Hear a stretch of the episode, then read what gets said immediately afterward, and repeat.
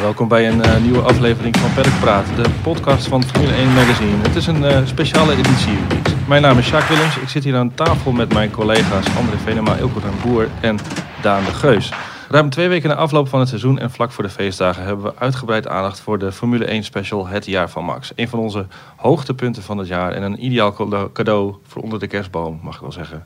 Het Jaar van Max is zoals de naam al aangeeft de jaarlijkse terugblik waarin de redactie van Formule 1 niet alleen alle races nog eens vanuit de Max zijn perspectief onder de loep neemt, maar natuurlijk ook uitpakt met grote interviews, mooie achtergrondverhalen en het beste beeld. Ehm, we beginnen even met uh, het maxmoment van het jaar. Welk moment zal jullie het meest bijblijven? Dat kan iets typerend zijn, een overwinning, een quote, iets wat je zelf hebt uh, gezien. André, laten we met jou beginnen. Uh, ik denk dat het, of dat denk ik niet, dat weet ik wel zeker. Dat, dat was in Rusland bij de, bij de Grand Prix in Sochi op het Olympische Park. Um, ik zat op zaterdagavond, nee, zaterdag eind van de middag met met Raymond Vermeulen, eh, de manager van Max. En Max zelf eh, zat ik aan een tafel in het, eh, in het onderkomen van Red Bull. Ehm, twee tv's stonden aan. En daarop was de Formule 2 race te zien. Die Nick de Vries uiteindelijk won en waar die kampioen werd. Ehm, wij zaten met ons drietjes aan een tafel, een beetje te ouwehoeren, een beetje te kijken. En ik denk vier meter links van ons, daar zaten uh, Helmut Marco, en, uh, Christian Horne. Die zaten keurig op een, uh, op een heel eenvoudig stoeltje. Zaten ze ook naar, de, naar de televisie te kijken, naar, naar de race. Um, nou, Niek de Vries won dus. En het was heel grappig, grappig. Het was een beetje een melige, melige, melige sfeer was er. En toen zei Raymond Vermeulen opeens van Christian, en uh, Horde die keek zo, uh, keek zo naar rechts. En uh, toen zei Vermeulen van... dit, dit, dit volkslied hebben we al een hele tijd niet meer gehoord, hè? en Horne die, die moest er wel een beetje... Die moest er wel om lachen, maar een beetje als de, de bekende boer met, met kiespijn. En dat was natuurlijk in een periode waarin, waarin het niet echt lekker liep met, met Red Bull... Uh, maar goed, het was een uh, hele geslaagde opmerking. En uh, we konden er alle drie heel erg, heel erg om lachen. Dat vond ik eigenlijk wel een. Even de boel op scherp zetten. Ja, de boel op scherp zetten, ja. ja. Dat kunnen ze heel goed. Ja, en Daan, heb je een soortgelijke anekdote? nou, niet een soortgelijke anekdote, maar wel een moment dat, dat terugslaat op een eerder moment in het jaar. in Brazilië zat ik met Max voor ons jaaroverzicht het jaar door te nemen, zijn seizoen door te nemen. En uh, een van de races die daarin natuurlijk uh, naar voren kwam was Oostenrijk, waar hij won. En dat hij naar zijn Honda, het Honda-logo op zijn borst gebaarde. En ik vroeg me eigenlijk af of dat nou een, instinctief iets van hem was, of dat hem dat was ingefluisterd, iemand van, van Red Bull of, of wat dan ook. En hij beaamde inderdaad dat hij dat ja, gewoon zelf, dat schoot hem zo te binnen. En hij vond het wel een mooi gebaar naar, naar Honda toe. En ik denk dat het ook heel veel zegt over uh, ja, de, de, de, samenwerking met Honda, hoe goed die verloopt voor hem en hoe, uh, hoe betrokken hij daarbij is. En ook hoezeer hij zich toch uh, als een soort leidend figuur opstelt ja, binnen, binnen Red Bull wat dat betreft. Hoe, hoe, anders was dat vorig jaar toen met Renault, waarin natuurlijk eigenlijk het logo het liefst had afgeplakt. ja, en dat hij ook de naam inruilde voor dat product als hij erover liep te voeteren. Ja, ja. Wellicht ook misschien geïnspireerd door de voetballers die altijd graag naar hun uh, embleem uh, wijzen. Ja, ja, misschien wel. Maar ik vond het ook wel mooi dat hij ook aanhaalde dat, eh, dat de Japanners zo stonden te huilen toen bij die zegen. En uh, Tanabe die de weg naar het podium nog niet wist. Maar bij wijze van spreken toch nog een paar keer kon afleggen die jaar. Is hij zich meer bewust van dat soort dingen? Meer dan wij misschien beseffen, denk ik wel. Ik denk dat het wel heel erg ook zijn groei onderstreept dit jaar gewoon binnen, binnen dat team. Is toch toen Ricciardo er nog zat, toen was Verstappen denk ik ook al wel uh, leidend uh, binnen het team. Maar Ricciardo was natuurlijk toch wat ouder, meer ervaring. Dus was ook een, een, dragende kracht. En dat is denk ik wel iets wat Max dit jaar heel erg op zich heeft genomen ook. Ja, ja. Ilko? Ja, het was een jaar vol mooie momenten eigenlijk. ja, 100 pagina's hebben we ervan kunnen maken. overwinningen, pols. Maar, maar mijn moment was toch eigenlijk het moment dat hij pol pakte, maar ook weer niet. Mexico. Uh, je ziet er echt de gedrevenheid van, van Verstappen. Hij had al de snelste tijd, hij had al de pole position in handen, maar hij wilde toch nog even sneller gaan. Ook al stond ja, Bottas in, in, in, de, in, de, in de muur. Eh, kijk, hij had wel gezien, het is, het is veilig, ik kan daar doorrijden. Maar ja, er- hangt geel, dus officieel moet je gewoon van het gas af. Eh, en niet alleen dat, tijdens de persconferentie geeft dat ook gewoon ruiterlijk toe. Hij, hij eh, zoekt geen excuses, hij gaat niet... eh, ja, nee, ik li- ik liet een beetje in of zo. Nee, gewoon, hij zegt gewoon, nee, natuurlijk ging ik vol gas. Ik eh, was op weg naar Pool. Dus ja, achteraf gezien kan je zeggen, het is dom. Want daarna kreeg hij een onderzoek en werd hij drie plekken teruggezet. Maar ja, uiteindelijk hadden ze die data toch wel gezien. Had hij die straf sowieso gekregen. Dat stond los van wat hij daar zei. Ja, zijn eerlijkheid siert hem gewoon wat mij betreft. Ja, ja. Nou, we hadden het net over zijn volwassenheid. Daar gaat mijn moment ook nog een beetje over. Eh, ik volgde hem in, in Monaco eh, vier, vijf dagen op de voet. En eh, daar ging het in de aanloop naar eh, het weekend natuurlijk veel over. Vorig jaar, het, eh, het dieptepunt, hè, het, het, ook wel het keerpunt genoemd. En eh, elke keer als dat onderwerp werd aangesneden, zag je zijn gezicht alweer vertrekken. Van, god, daar, gaan we weer, moeten we het daar weer over hebben. Weer die vraag. weer die vragen en eh, weer vragen, FBA-rijstijl veranderd? Nee, dat heb ik niet, ik ben niet veranderd. Eh, nou ja, toen hè, natuurlijk het incident in de race waar hij te vroeg werd weggestuurd door eh, Red Bull en Bottas raakte in de pits. Daardoor een, een tijdstraf eh, kreeg opgelegd en er zat niets anders op dan eh, Lewis Hamilton aan, aanvallen. Hij lag op dat moment tweede en ja, als hij er voorbij was gekomen dan had hij die vijf seconden tijdstraf wel, wel goed weten te maken. En ik verwachtte eigenlijk na de race toch een, nou ja, toch een, misschien een bozige, gefrustreerde Verstappen. Maar hij, hij was super relaxed, heel realistisch. Van ja, ik heb het geprobeerd, er zat niks anders op. En eh, ik heb uiteindelijk een mooie race eh, eh, gereden. Ik heb plezier gehad. En dat vond ik toch ook wel weer een, eh, nou ja, een teken dat hij, eh, dat hij er toch anders in, anders in staat. Of in ieder geval volwassener is geworden. Pedalpraat. We hebben hem hier voor ons liggen, de, de ja, het jaar van Max. Een prachtige cover met eh, Jos en Max eh, op, de, op, de, op de voorkant. Dat is omdat we een, eh, een mooi exclusief coververhaal hebben gemaakt. André, dat heb jij eh, eh, bij elkaar getikt. Yes. Ehm, waar, laten we beginnen. Waarom die keuze voor een dubbel interview eigenlijk? Ehm, wij zijn in 2015 eigenlijk bij, bij toeval zijn we, bedachten we om het, om het jaar af te sluiten. En hoewel het officieel het eerste nummer van het volgende jaar is. Om het jaar af te sluiten met, eh, met een nummer eh, helemaal gewijd aan het, eh, aan het jaar van Max Verstappen. Ehm, in het begin hebben we zelf verhalen bij elkaar geschreven. Ook naar aanleiding van interviews en gebeurtenissen eerder dat jaar. Vorig jaar hebben we een, voor, voor het eerst een heel groot interview met, met hem in het blad gehad. Ook, dat was destijds vorig jaar het coververhaal. En, ja, en we wilden nu iets anders. Ehm, nou, eh, ik heb eh, gevraagd of, eh, of, eh, of het met, eh, met Jos en Max kon.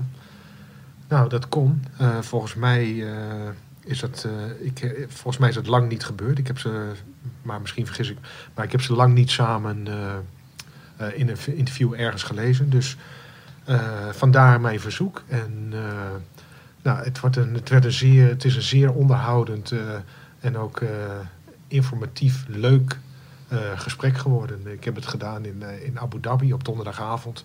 We hebben een uur gezeten, eh, verder niemand erbij. Alleen Peter van Egmond, onze fotograaf, was erbij. En dat was...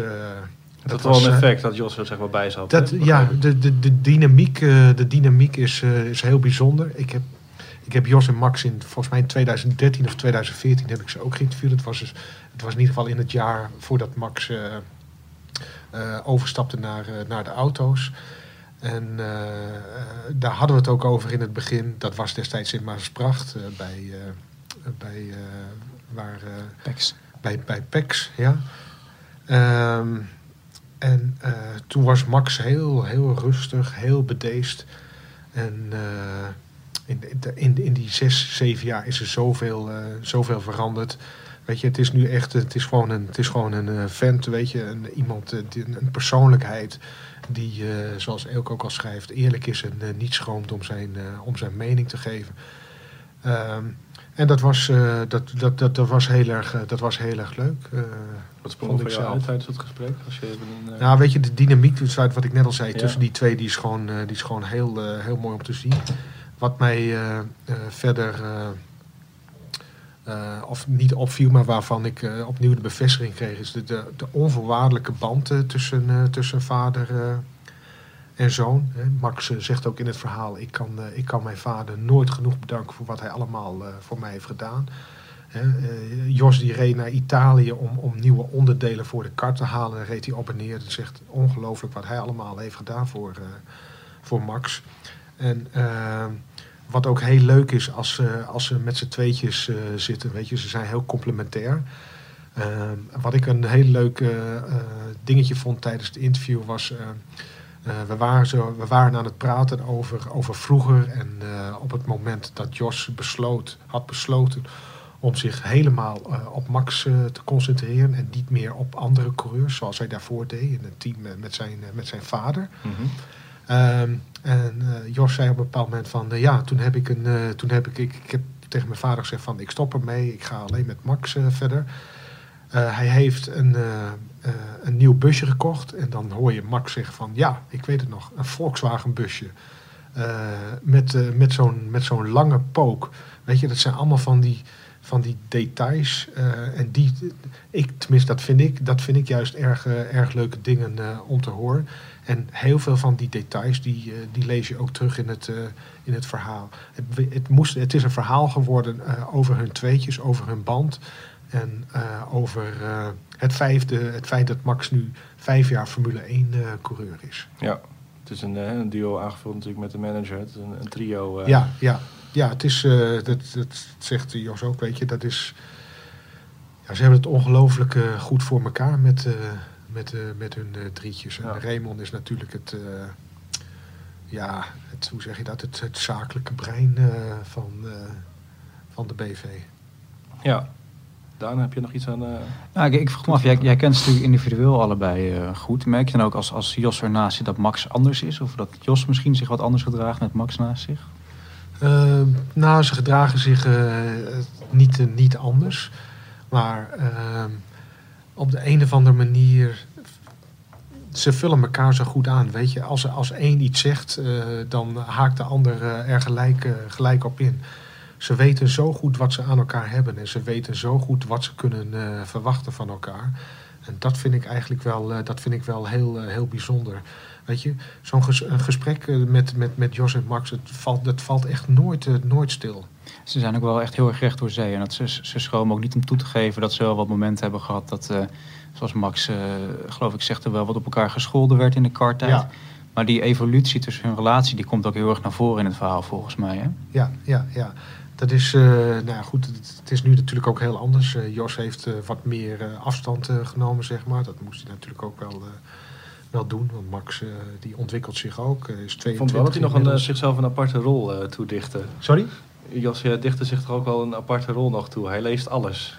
Hij leest alles, ja. Hij volgt, hij volgt, luistert, Jos. Ja. hij volgt, hij volgt heel veel journalisten op, op, op Twitter. En hij houdt op internet ook heel veel in de gaten. En hij zegt dat hij dat ook doet om, om Max te beschermen. Ja. En om te, te kijken wat er, eh, wat er waar en eh, wat niet eh, waar is. En om zo nodig eventueel eh, te corrigeren. Dat doet hij natuurlijk ook wel eens via sociale media. ja. Formule 1. Peddelpraat. Ehm, een ander verhaal uit eh, het jaar van Max. Een eh, groot verhaal met Alex Albon, Ilko. Ehm, ja, wa- hij werd natuurlijk halverwege het jaar de nieuwe eh, teamgenoot van, eh, van Max bij Red Bull. En was natuurlijk geen onbekende. De twee kenden elkaar eigenlijk al eh, een hele tijd. Klopt, ja. ja in 2010 eh, waren ze ja, grote rivalen in, in de karting. Toen was Albon de meer ervaren coureur, iets meer ervaren. Hij is iets ouder. Ja, alleen hij deed er wel langer over om de Formule 1 te halen. Dus op dit moment is natuurlijk Verstappen weer de ervaren kracht bij Red Bull. Eh, ja, Albon komt heel over als een, als een hele lieve, be- beschaafde jongen. Maar het blijkt toch op de baan ook wel eens een beest te kunnen gaan. Eh, doet daar niet onder voor Verstappen. Eh, Hij typeert het ook op een bijzondere manier, de, de strijd. een, een bloedbad noemt Ja. hij het ja, op een gegeven moment. Ja, zo vaak dat ze elkaar eh, ja, eh, raken in een race. Tenminste, ja, eh, toucheren. Dus het is niet eh, bewust eh, beuken of zo. Maar Nee. Racing incidents. Hard racing. ja, Ja. Aanvankelijk kreeg Albon nog een, nog een straf ervoor. Maar uiteindelijk bleek Verstappen toch bij nog meer incidenten betrokken te zijn geweest. Dus dat, eh, dat Albon alsnog met de zege aan de haal ging. Eh, maar hoe fel de strijd ook was, er was altijd gewoon een hele goede eh, dynamiek, dynamiek ook tussen die twee, twee jongens. Er waren nooit politieke spelletjes, zei Albon. En ja, dat, dat merk je nog steeds wel bij, bij Red Bull. Ze worden gewoon eerlijk tegenover elkaar afgewogen. Ja, op de baan gaat het heel veel aan toe. Ze zijn Maar- elkaar nog niet echt tegengekomen ook natuurlijk. hè? nu nog niet, Nee. inderdaad. Maar ja, als je ook andere coureurs bij Red Bull vergelijkt. eh, en gewoon hoe, Albon en, en Verstappen dan met elkaar omgaan. Het, eh, ja, hard maar fair. En, eh, Ja. En als je naar Albon kijkt, zou je toch ook zeggen, daar kun je moeilijk boos op worden, zo'n jongen. ja, maar ik denk dat als hij iets flikt op de baan, dat... ja, dat het niet zoveel uitmaakt. Nee, als het eh, vizier dicht gaat, dan zijn volgens mij alle coureurs eh, gewoon Mhm. duivels. Ja, en Albon zal zich volgend jaar natuurlijk ook moeten, moeten gelden. Hij had natuurlijk dit jaar een beetje een vrijbrief toen hij bij Red Bull kwam om eh, ja, in het ritme te komen. Maar eh, misschien als hij Max volgend jaar tegenkomt, eh, gaat het ook wel wat harder eh, dan dat het nu eh, geweest hij is. zal als een mannetje moeten staan, inderdaad. Hij moet ook ja, vechten voor zijn toekomst bij Red Bull. Zo hard is Helmut Marco eh, ook nog. eh. Jullie hebben hem nog ook in, eh, in Abu Dhabi gesproken, Ja. jullie twee, Daan en André. Ja, hij heeft eigenlijk een soort vakantiegids gegeven voor Thailand, om het zo maar te zeggen. Het was echt een heel ander interview voor de verandering is. Maar was wel heel leuk. Ging vooral over zijn, zijn roots daar en zijn, zijn familie daar. En ook over Thais eten. Eh, tip van Albon, eh, mocht je niet van pittig eten houden, bouw het rustig op. En dan eh, kom je er vanzelf. Een weekje in Thailand en eh, je kan overal tegen. Oké, oké. We zullen onthouden. Ehm, ander verhaal. Ik, maar dat heb ik zelf gemaakt. Een verhaal over het werk van helmenkoning Jens Münzer. Misschien kennen de luisteraars hem wel. Hij is de man die een coureur zegt... ik wil een speciale helm voor mijn thuisrace. En dan gaat Jens Münzer met zijn team aan de slag in een, in een atelier in, in Duitsland. Hij eh, spuit onder andere de helmen van eh, Vettel, Ricciardo en dus ook eh, eh, Max Verstappen. Hij noemde de, de witte helm. Dat was toch een, eh, nou ja, een afwijkende helm, eh, als je het vergelijkt met de afgelopen jaren. eh, de mooiste helm uit Verstappens carrière. Kunnen we het daar eh, mee eens zijn? Ja, ik wel. Ja, zeker. En, eh, Ik vond het mooier dan de gele in ieder geval. ja, en even, even helmen in het algemeen. Hebben we nog favorieten dit jaar? Ik moet zeggen, ik ben, ik ben al een paar jaar heel erg fan van die van Vettel. En dat heeft niks met Vettel specifiek te maken. Ook niks tegen Vettel. Maar ik vind het gewoon een heel mooi, eh, een beetje retro design. Ja, de Duitse vlag. En, eh, nou ja, volgens mij elke, elke race wel een eh, afwijkend iets aan die helm. Maar de, de ba- in de basis altijd... eh, Altijd die vlag hè? inderdaad. En het stijgende paard natuurlijk erbij. Ja. ja, Ik vond die van, eh, van Ricciardo eh, vond ik echt heel mooi. Stop being them. ja, Leuke boodschap ook. Ook, ja. Een andere van Ricciardo vond ik zelf eh, die eh, in China, de retro helm van eh Ja. Jack Brabham. Ja, Ja, de Duitse Grand Prix, eh, Ja. ook die van Hulkenberg, eh, ja, met, met sponsorstickers zoals het lijkt. En ook Ja. ja. de steenslag op de, op de helm ges- gespoten. Ja, wat, hij ook, wat hij ook uitlegt in het, in het verhaal is, hij eh, beelde zich, heeft zich echt ingebeeld in de, in de jaren 50, 60. Hoe maakten ze toen een helm? Wat hadden ze tot hun beschikking? En met dat idee heeft hij dus een, een zachte onderlaag daar over de verf heen. En dan zelf de schade aanbrengen in de helm. Het is echt een eh, Het, zijn, het zijn echt kunstwerk. echt kunstwerk inderdaad. En wel veel discussie over, over helmen. Eh, ja, Ja, Officieel is de regel, eh, je mag maar één keer eh, van je design afwijken. nadat Vettel eigenlijk iedere race met een andere helm begon te rijden. Aan de ene kant is het, is het jammer dat ze beperkt worden. Want ja, je, je, je wil die creaties blijven zien. Aan de andere kant begrijp ik het ook wel. Want ja, de helm is toch een stuk identiteit van een coureur. Daarin kan je ze heel makkelijk herkennen. Eh, kijk, mijn persoonlijke favoriet was Pedro Diniz. Die had echt een ja, prachtige helm, vond ik. En ja, die, die viel meteen op. Eh, Mhm. ik zag hem nog een keer in Montreal in een, eh, in een winkel liggen en ik had hem bijna gekocht. Hij was alleen net even iets te duur. Hoeveel kostte die? Eh, een paar 700 euro geloof ik. Ja. En wat ik, ook, mooi- wat ik ook wel mooi vond aan uh, Münster is dat hij, hij stelt zich echt in dienst van de, de coureurs. Dat is het enige wat telt. Uh, hij heeft ook een best aparte procedure, toch? Om ze te verwittigen van de, de ontwerpen en de, hoe die ze... En ze zijn nog gewoon aan het appen. Ja. Ja, dus hij heeft gewoon de hele, de hele grid in zijn telefoon staan. En uh, er zijn ontwerpjes aan het rondsturen. Van nou, vind je dit wat? Uh, wat moeten we nog aan veranderen? Uh, en ook wat ik ook nog even wil noemen is zijn, uh, is zijn eerste ontmoeting met Michael Schumacher. Daar heeft hij dus ook de, helms, uh, de helmen voor uh, gespoten. En die vroeg, hem, die vroeg hem naar het proces en hij legde uit van nou, we doen eerst een, witte coating, dan een zwarte coating en dan de, de rode coating van, van jouw eigen helm. En dan zei hij waarom hebben we die zwarte dan nodig? Dat is toch weer extra gewicht. En nou goed, dat zei dan wel genoeg over, over Schumachers maniacale Oog voor detail. Ja. Oog voor detail, inderdaad. Um, ja, we hebben het net over Albon. Er was dus nog een andere teamgenoot eerder dit jaar, Pierre Gasly. hebben ook een eh, interview eh, me- eh, mee. Eh, dat maakte jij Daan. Hij vertelde over die eh, nou, toch wel zware tijd die hij bij Red Bull eh, heeft eh, meegemaakt.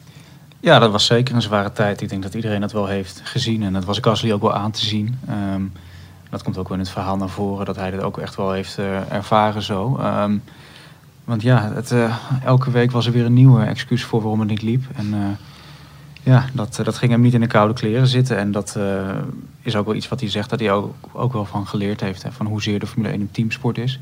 Dat haalt hij vooral ook aan waarom het niet gelukt is. Dat, ja, hij heeft dingen verkeerd gedaan. Hij heeft misschien niet op de juiste manier met het team gewerkt. En hij zegt ook wel, ja, het team had misschien ook met de oplossingen die, die er waren, hadden we het nog wel kunnen, kunnen rechttrekken. Maar daar heeft hij uiteindelijk niet de tijd voor gekregen. Maar wel open en eerlijk over zijn eh, eigen aandeel, denk ik. Ja, hij is er heel open en eerlijk in. En hij noemt ook een, eh, een percentage, oh, enigszins opvallend misschien, van het 80% van zijn potentieel heeft hij hem uit kunnen halen voor zijn gevoel. Eh, ik had het even teruggerekend, maar qua punten scoorde hij toch echt minder dan 80% nog dan Verstappen. Maar eh, ja, het was gewoon niet, eh, niet goed genoeg en dat heeft hij ook wel, eh, wel ingezien. En het mooie is wel dat bij Toro Rosso hij toch weer eh, is opgebloeid. Eh, hij had natuurlijk een beetje kunnen verpieteren daar toen hij werd teruggezet. Wat we eerder met, eh met Kvyat wel gezien hebben in 2016. Maar voor Gasly heeft het eigenlijk eh, precies omgekeerd gewerkt. En die heeft Ja. echt eh, zichzelf weer Een soort teruggevonden. kuur, eigenlijk.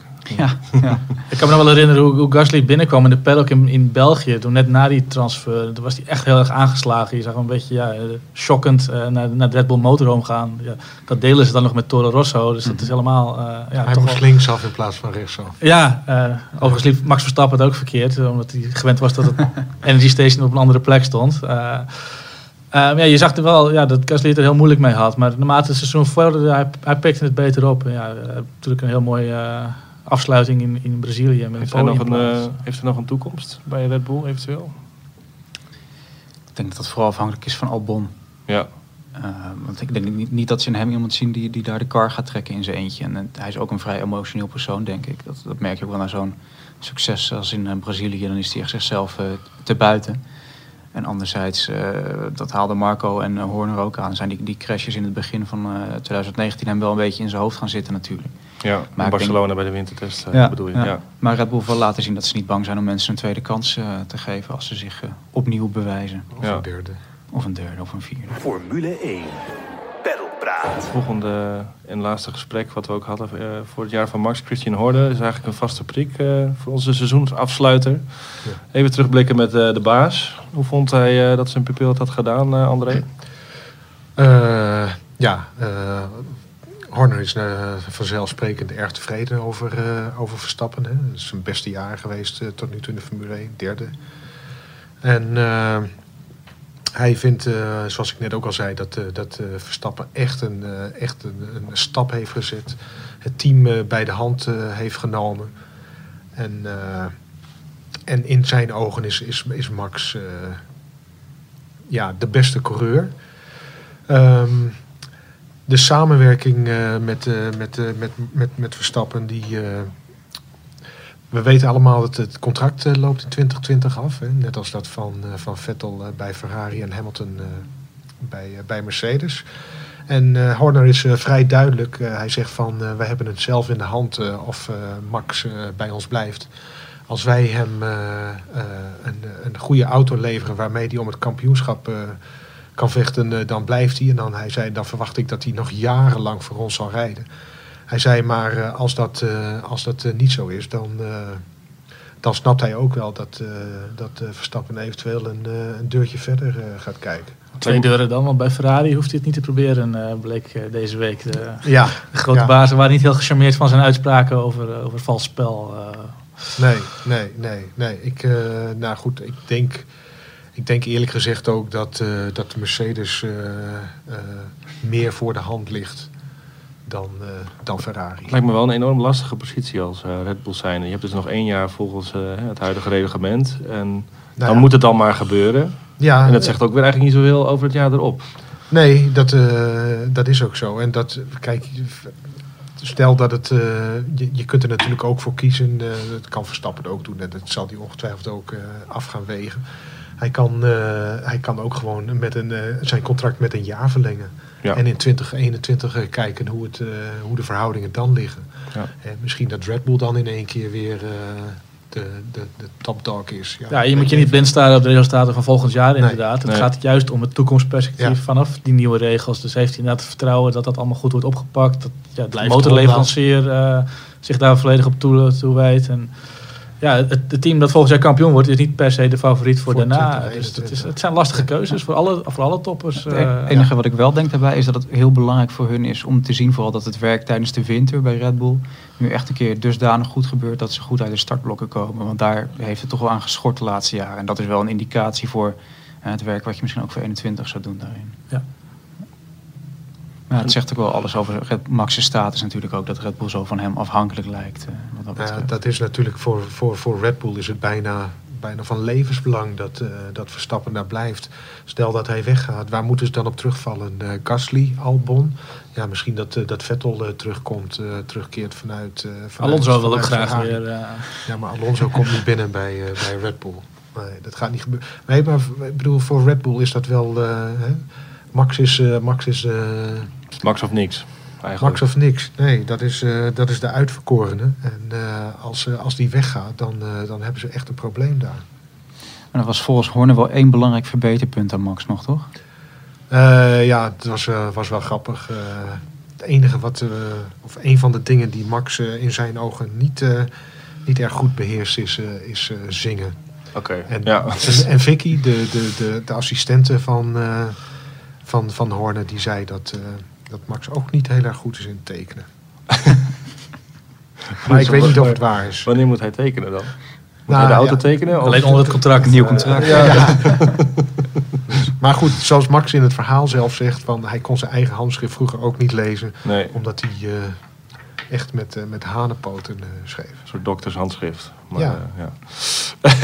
nou goed, dat, eh, dat is even in een, eh, in, een, in een half uur de inhoud van eh, onze, ons jaar van Max. Dat ligt deze week eh, eh, in de winkel. Met een hele grote poster weer, net als eh, vorig jaar, Ja, waarop... eh, De kalender voor 2020 staat er ook op. ja, nou goed, hè, die poster komt natuurlijk van de hand van onze huisfotograaf Peter van Egmond. Dat Ja. mag ook wel even, even gezegd worden. De man maakt eh, schitterende foto's. Ze zijn ook te zien overigens in het jaarboek dat vorige week is uitgekomen. Het zijn eigenlijk twee edities. Ja, als je je collectie compleet wil hebben, dan moet je die, eh, die moet je echt wel, wel in je bezit hebben. Ehm, nog even over het jaar van Max. We hebben er nog een, eh, een verhaal van eh, over Frits van Amersfoort. Hè? In Formule 3, de, te- de teambaas van zowel Max als eh, Charles Leclerc is hier geweest. De twee toptalenten. Die legt hij even langs zijn uh, meetlat. Eh komen toch ook nog wel een paar leuke dingen uit naar voren. Senna versus Prost 2.0, zoals Ja. hij het noemt. Ja, Mick Schumacher heeft hij ook nog gehad, hè? Ja. Daar Ja. gaat het ook nog even kort over. Maar ja, toch wel eh, ook volgens Van Amersfoort eh, de strijd eh, van de toekomst Leclerc versus Verstappen. Onze techniek-expert Rob van den Heinkant. eh kijk nog even met zijn deskundig oog naar de RB15. Eh, nog opvallende conclusies daaruit? Nee, Rob was best wel positief over de RB15. Eh, hij haalt een paar dingen aan die typisch binnen de Red Bull filosofie vallen. Wat hij ook wel aanhaalde, de Mercedes was toch weer, weer net een stukje beter. Hè? En daarmee zijn we aan het eind van deze aflevering van Perk Praat. En wensen we eh, al onze luisteraars en lezers een, eh, een fijne feestdagen en een gelukkig nieuwjaar. Bedankt voor het luisteren. Formule 1 presenteert Pedalpraat.